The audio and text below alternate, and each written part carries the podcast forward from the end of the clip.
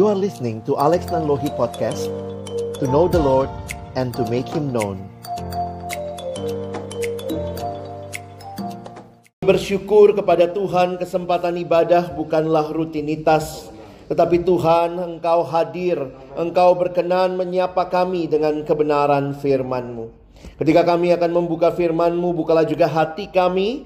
Jadikanlah hati kami seperti tanah yang baik supaya ketika benih firman-Mu ditaburkan boleh sungguh-sungguh berakar, bertumbuh, dan juga berbuah nyata di dalam kehidupan kami. Berkati baik hambamu yang menyampaikan semua kami yang mendengar. Tuhan tolonglah agar kiranya kami bukan hanya jadi pendengar-pendengar firman yang setia, tapi mampukan dengan kuasa, dengan pertolongan dari rohmu yang kudus, kami dimampukan menjadi pelaku-pelaku firman-Mu di dalam kehidupan kami, di dalam keseharian kami. Bersabdalah ya Tuhan, kami umatmu sedia mendengarnya. Di dalam satu nama yang kudus dan berkuasa, nama Tuhan kami Yesus Kristus, Sang Firman yang hidup. Kami menyerahkan pemberitaan firman-Mu. Amin. Silakan duduk. Shalom, selamat pagi Bapak Ibu Saudara yang dikasihi dalam Tuhan Yesus Kristus. Bersyukur eh, kesempatan ini jadi kesempatan yang indah buat kita kembali beribadah dan akan mendengarkan firman Tuhan. Pagi hari ini saya mengangkat tema tentang kasih mula-mula ya. Ini merupakan satu tema yang mungkin juga sering kali kita dengar kasih mula-mula, tapi seperti apakah kasih yang mula-mula itu? Nah, saya akan mendasarkannya. Saya ajak Bapak Ibu Saudara, kita akan melihat um, apakah bisa. Oke. Okay. Kursornya ditaruh di uh, ini. Oke, okay, baik. Kita akan melihat hari ini di dalam kitab Wahyu pasal yang kedua. Saya akan mengajak Bapak Ibu Saudara membaca ayat 1 sampai dengan ayat yang ketujuh, ya. Uh, bisa ditolong kalau begitu. Oke, ini sudah ada ya Wahyu pasal 2 ayat 1 sampai ayat yang ketujuh. Saya akan bacakan bagi kita sekalian. Tuliskanlah kepada malaikat jemaat di Efesus. Inilah firman dari dia yang memegang ketujuh bintang itu di tangan kanannya. Dan yang berjalan di antara ketujuh kaki dian emas itu. Aku tahu segala pekerjaanmu, baik jeripayahmu maupun ketekunanmu. Aku tahu bahwa engkau tidak dapat sabar terhadap orang-orang jahat, bahwa engkau telah mencobai mereka yang menyebut dirinya rasul, tetapi yang sebenarnya tidak demikian. Bahwa engkau telah mendapati mereka pendusta, dan engkau tetap sabar dan menderita oleh karena namaku, dan engkau tidak mengenal lelah. Namun demikian aku mencela engkau karena engkau telah meninggalkan kasihmu yang semula. Sebab itu, ingatlah betapa dalamnya engkau telah jatuh. Bertobatlah dan lakukanlah lagi apa yang semula engkau lakukan. Jika tidak demikian aku akan datang kepadamu dan aku akan mengambil kaki dianmu dari tempatnya jikalau engkau tidak bertobat. Tetapi ini yang ada padamu yaitu engkau membenci segala perbuatan pengikut-pengikut Nikolaus yang juga kubenci. Siapa bertelinga, hendaklah ia mendengarkan apa yang dikatakan roh kepada jemaat-jemaat. Barang siapa menang, dia akan kuberi makan dari pohon kehidupan yang ada di taman Firdaus Allah. Sedemikian jauh pembacaan firman Tuhan, berbahagialah kita yang bukan hanya membacanya tetapi juga merenungkannya, melakukannya dan bahkan membagikannya. Bapak Ibu Saudara yang dikasihi Tuhan, kalau dengar kitab Wahyu bayangan kita langsung wah serem ya. Tetapi sebenarnya kitab Wahyu di bagian awalnya ini merupakan surat yang dikirimkan kepada tujuh jemaat. Kalau Bapak Ibu punya Alkitab bisa lihat bahwa ada tujuh jemaat yang disebutkan di dalam uh, Wahyu 2 sampai Wahyu 3. Jadi kitab Wahyu ini merupakan sebuah surat yang dikirimkan untuk menguatkan jemaat-jemaat yang ada di wilayah yang namanya Asia Kecil. Ini dulu namanya Asia Kecil atau Asia Minor. Asia pada masa itu bukan hanya bicara benua, tetapi daerah satu daerah wilayah kerajaan Romawi yang namanya Asia Kecil, Asia Minor. Sekarang jadi destinasi wisata ya. Turki dan sekitarnya. Makanya ada wisata rohani ke Turki karena ada kota-kota yang disebutkan ini. Ya, ada tujuh kota: Efesus, Smyrna, Pergamus, Tiatira, Sardis, Philadelphia, dan Laodikia. Kalau lihat berdasarkan Wahyu 2 sampai 3 ini muter begini ya. Nah, ini adalah penglihatan yang diterima Yohanes dari Yesus dan kemudian dikirimkan kepada tujuh jemaat ini pada awalnya. Jadi ini yang menjadi latar belakang kita memahami wahyu. Nah, waktu itu kalau Bapak Ibu lihat yang paling dekat dengan laut ini Efesus karena dia kota pelabuhan. Walaupun pada masa itu ibu kotanya adalah Pergamus, ya. Pergamus ini ibu kota dari Asia Kecil. Jadi dalam satu catatan ditulis begini, Efesus terkenal sebagai metropolis Asia. Kota ini merupakan kota yang terpenting dibandingkan enam kota yang lain. Walaupun pada waktu itu Pergamus merupakan ibu kota pemerintahan di Asia. Namun memang Efesus adalah kota terbesar. Kota di Efesus dianggap sebagai kota bebas dan punya pemerintahannya sendiri. Tidak ada pasukan Romawi yang dimobilisasi di kota tersebut secara tetap. Kotanya besar dan makmur. Bahkan sekarang, wah kalau pergi ke Turki untuk uh, apa ya wisata itu pasti datang ke Efesus. Puing-puing kota ini adalah yang paling luas di seluruh wilayah yang ditemukan. Kalau Bapak Ibu pernah lihat gitu ya, ini ya. Luar biasa, jalan utamanya itu dilapisi pualam ya. Dan itu semua kalau kita perhatikan memang ya tinggal puing-puing, tapi kita bisa bayangkan kemegahannya pada waktu itu. Kalau sekarang kita pergi ke bioskop ya, nggak usah sebut namanya, tapi ada berapa teater? Ada yang lima, ada yang sepuluh gitu ya. Mentok-mentoknya kali berapa? Satu teater anggaplah 300 orang kali 10 ya seluruhnya kalau terisi 3000 orang. Efesus punya teater. Berapa kapasitas duduknya? 250 ribu jiwa. Kalau Bapak Ibu ke Efesus sekali lagi ya, ini teaternya. Nggak pakai sound system kayak kita pagi ini, mesti colok sana colok sini. Saya berkesempatan berkunjung ke sini, kita ngomong di sini, yang belakang sini denger loh. Karena akustiknya yang luar biasa. Jadi kotanya, sorry, kotanya punya penduduk 250 ribu jiwa, teaternya kapasitasnya 25 ribu. Dan ini kalau kita lihat di kisah Rasul 19 kemungkinan besar keributan yang terjadi mungkin terjadi di sini. Kenapa saya harus menunjukkan semua kemegahan ini? Bayangkan gereja Efesus. Ini gereja kota besar. Ini bukan gereja di kampung-kampung gitu ya kecil, tidak. Ini gereja kota besar ada di kota Efesus yang metropolis Asia pada waktu itu. Sekali lagi kalau kita perhatikan ini Efesus di sini dan waktu itu Paulus menuliskan uh, sorry uh, kok Paulus ini kan Wahyu ya jadi Yohanes ya Rasul Yohanes itu uh, menyampaikan kepada jemaat yang ada di sini. Nah, ini sedikit gambaran. Kalau tadi kotanya, sekarang jemaatnya. Gereja Efesus kira-kira seperti apa? Gereja Efesus, jemaat Efesus merupakan salah satu jemaat rasuli terbesar Jemaat ini merupakan campuran antara golongan Yahudi dan Yunani. Namanya juga di pinggir pantai ya. Pasti jemaatnya lebih beragam. Nah, Yesus memuji mereka namun juga memberikan peringatan kepada mereka. Nah, Bapak Ibu, dalam catatan sejarah ada dua rasul yang pernah tinggal di Efesus. Kisah Rasul memberi catatan Paulus pernah ada di Efesus kira-kira tiga tahun. Dan catatan sejarah yang lain menuliskan kemungkinan Rasul Yohanes sampai sebelum dibuang di Patmos itu tinggal di Efesus. Jadi ini jemaat yang luar biasa. Ada yang coba hitung-hitung, kira-kira ini jemaat berdirinya tahun berapa?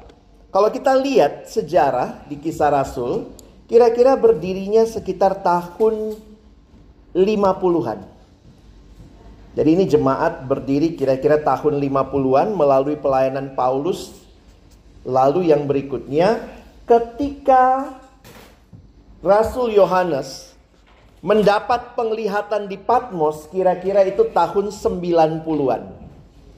Ya, jadi Bapak Ibu bisa membayangkan ini jemaat yang sudah ulang tahun gereja ke-40-an. Karena berdiri tahun 50-an, Lalu dikirimi surat ini oleh uh, melalui Rasul Yohanes tahun 90-an. Bayangkan Bapak Ibu Saudara, jemaat yang sudah 40-an tahun. Ini bukan gereja baru, ini gereja metropolis yang sudah 40 tahun berdiri. Persekutuan doa kita sudah berapa tahun ya? 84. Wow belum 40 ya. Tapi sudah lebih dari Iya ya, sudah. Jadi bayangkan ya Bapak Ibu dapat surat dari dari Yesus yang kepada jemaat yang sudah lama. Kira-kira apa yang disampaikan? Nah, ternyata menarik. Yesus memuji, berarti memang Yesus tahu apa yang mereka lakukan, tetapi juga ada peringatan. Saya pikir buat kita juga yang sudah lama jadi orang Kristen, Kira-kira apa yang akan Tuhan evaluasi kalau lihat hidup kita ya? Nah, kita lihat sama-sama. Ternyata Tuhan memberikan pujian. Ada tiga hal yang Tuhan puji dari mereka. Itu berarti itu mereka lakukan. Namanya juga jemaat sudah lama, pasti sudah makin bertumbuh. Yesus katakan, "Aku tahu." Akunya ini Yesus ya. Karena Yesus yang menyampaikan melalui Nabi uh, Rasul Yohanes. Aku tahu segala pekerjaanmu baik jeripayahmu. Jadi ini jemaat yang punya kerja keras. Tentu dalam berbagai aspek ya. Bapak Ibu nyiapin ibadah hybrid begini juga butuh kerja keras ya. Ada yang datang lebih pagi, colok sana, colok sini. Memang melayani itu pasti ada kerja keras. Ada yang bilang, wah boleh nggak Pak saya melayani tapi nggak kerja keras. Ya jangan melayani.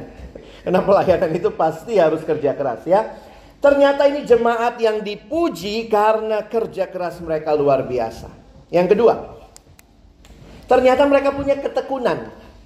Bapak Ibu, ketekunan itu beda dengan sekedar kerja keras ya. Karena ketekunan itu butuh waktu untuk memprosesnya.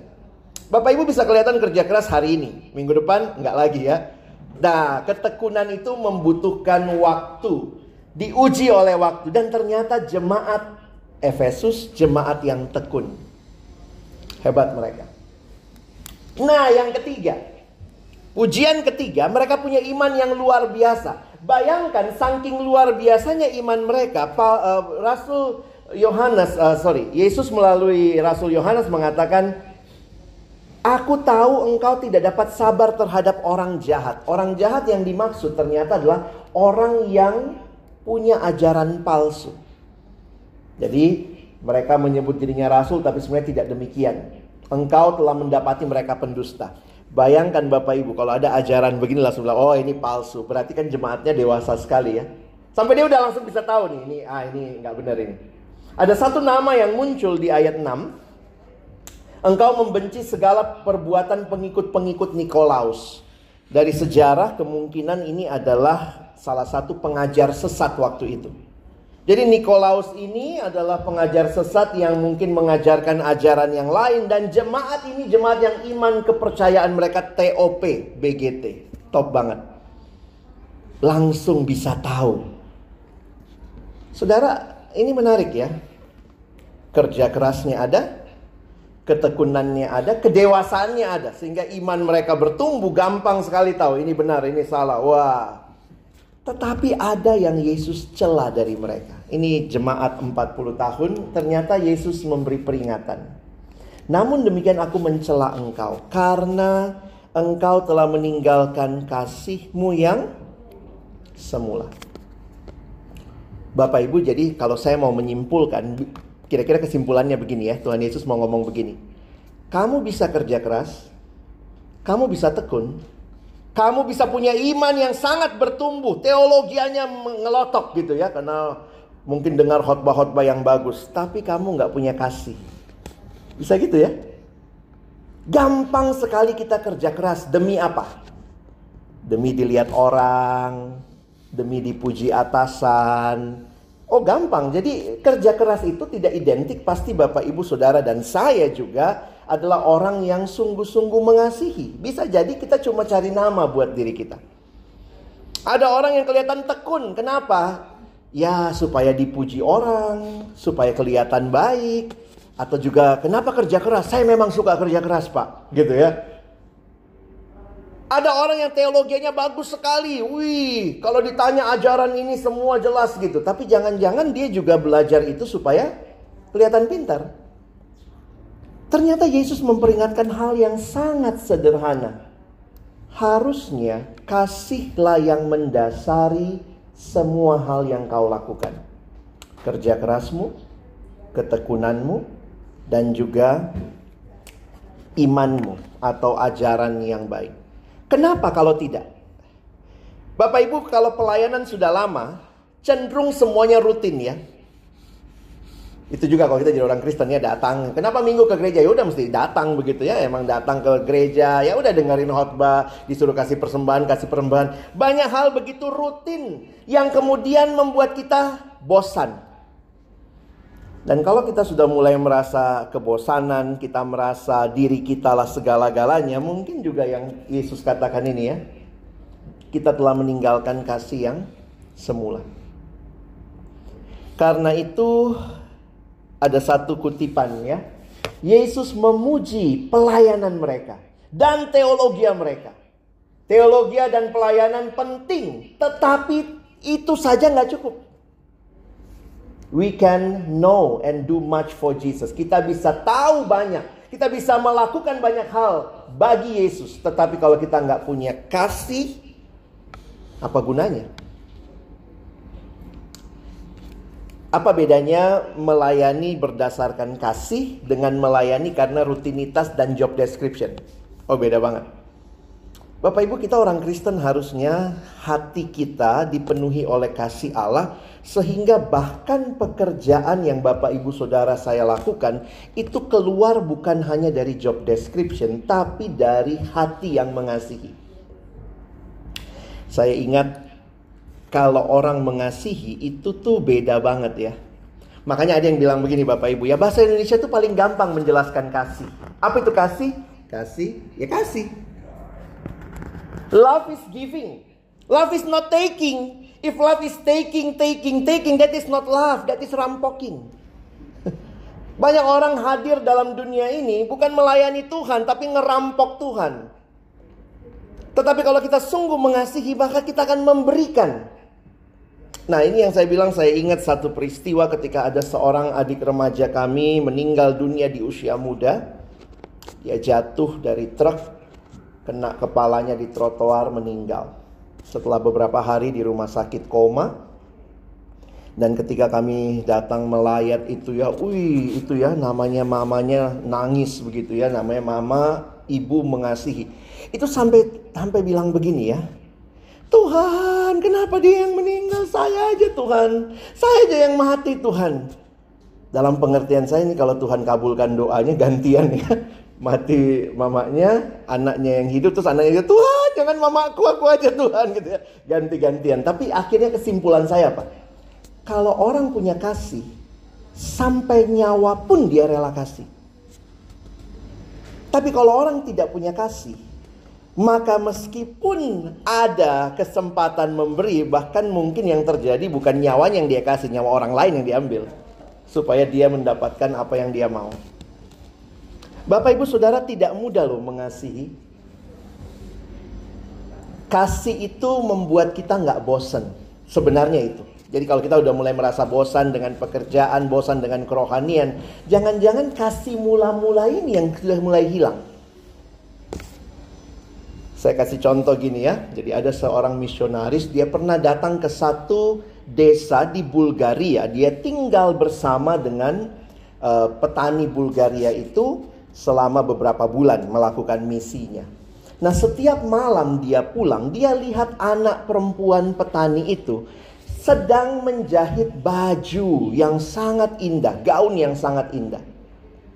Tiap malam dia duduk jahit gaun itu. Pulang lagi dia lihat lagi dia lagi jahit gaun itu. Akhirnya dia tanya gitu ya. Dia tanya uh, misionaris ini nanya sama anak ini. Kamu nggak bosen ya? Tiap hari kok itu aja kerjamu ya? Menjahit gaun itu. Lalu kemudian anak petani perempuan ini masih muda dia menjawab. Ini gaun pernikahanku. Aku menjahitnya karena kasihku. Aku ingin terbaik memberikan penampilan terbaik kepada calon mempelai priaku. Saudara hidup kita, kalau kita tahu kita sedang menyambut kedatangan Tuhan Yesus mempelai pria kita yang kedua kali. Dan kita dipanggil, dalam panggilan itu kita mau melakukan sesuatu karena kasih. Dan inilah kasih mula-mula yang diingatkan kepada kita. Apa itu kasih mula-mula? Kasih yang saudara dan saya alami karena Yesus yang telah lebih dulu mengasihi kita. Kalau kita ingat-ingat terus akan kasih itu. Tuhan kau sudah berikan bahkan nyawamu bagiku. Sekarang aku hidup bagimu. Aku pun mau memberikan yang terbaik bagimu. Kehidupan rohani yang makin membosankan, kehidupan pekerjaan yang makin membosankan, mungkin didasari karena kasihnya sudah hilang. Semua terjadi hanya kewajiban. Ya kalau lagi nonton drama-drama Korea sekarang Bapak Ibu ya, banyak itu ya cerita tentang nikah lagi, cerai dan bagaimana ya. Akhirnya ada pernikahan yang cuman ya sudah karena sudah punya anak ya sudahlah kau lakukan apa maumu, aku lakukan apa mauku. Sudah hilang tuh kasih ketika pacaran dulu. Ketika aku akan melakukan apa pun, di mana rumahmu, sejauh apa pun aku datang. Sekarang antarkan dulu ke depan, pergi aja kau sendiri. Sudah beda.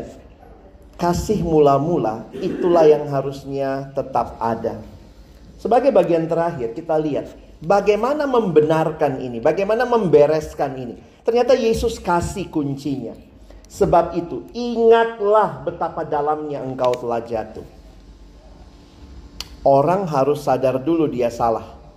Baru dia bisa tahu bagaimana melakukan perbaikannya. Sama kalau kita ke dokter. Ke dokter terus kita nggak, saya nggak sakit dokter.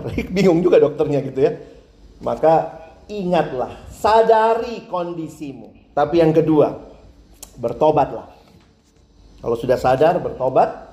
Dan kemudian bukan berhenti di situ. Lakukan lagi apa yang semula telah engkau lakukan.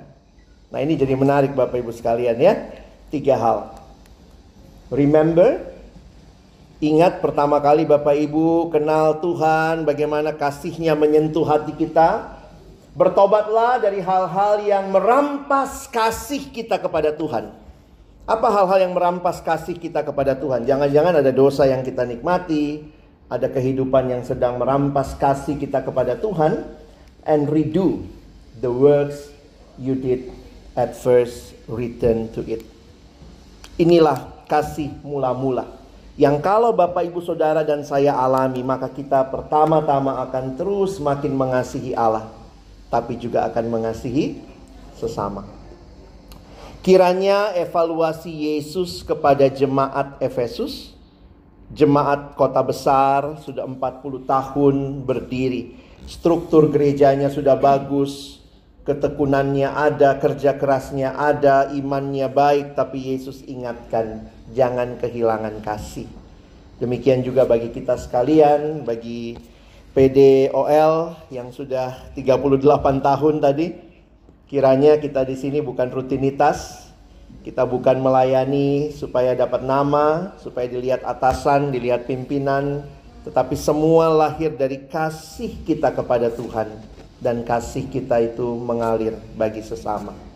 Kiranya Tuhan menolong kita menjadi pelaku-pelaku firman-Nya. Amin. Mari berdoa. Tuhan terima kasih banyak buat firman-Mu, terima kasih setiap teguran, setiap pujian yang kami terima. Ingatkan kami untuk juga punya kesadaran, baik untuk menyadari, untuk kembali bertobat, dan juga melakukan lagi. Kalau dulu mungkin kami melakukan tanpa sungut-sungut, ketika kasih kami begitu membara kepada Tuhan dan sesama. Dan kalau hari ini apa yang kami lakukan di hidup kami, di pelayanan kami, di pekerjaan kami terlihat membosankan. Jangan-jangan kami hanya punya kerja keras tanpa kasih. Kami hanya punya ketekunan tanpa kasih. Kami punya iman yang bertumbuh tapi tanpa kasih. Karena itu biarlah kasihmu menguasai kami.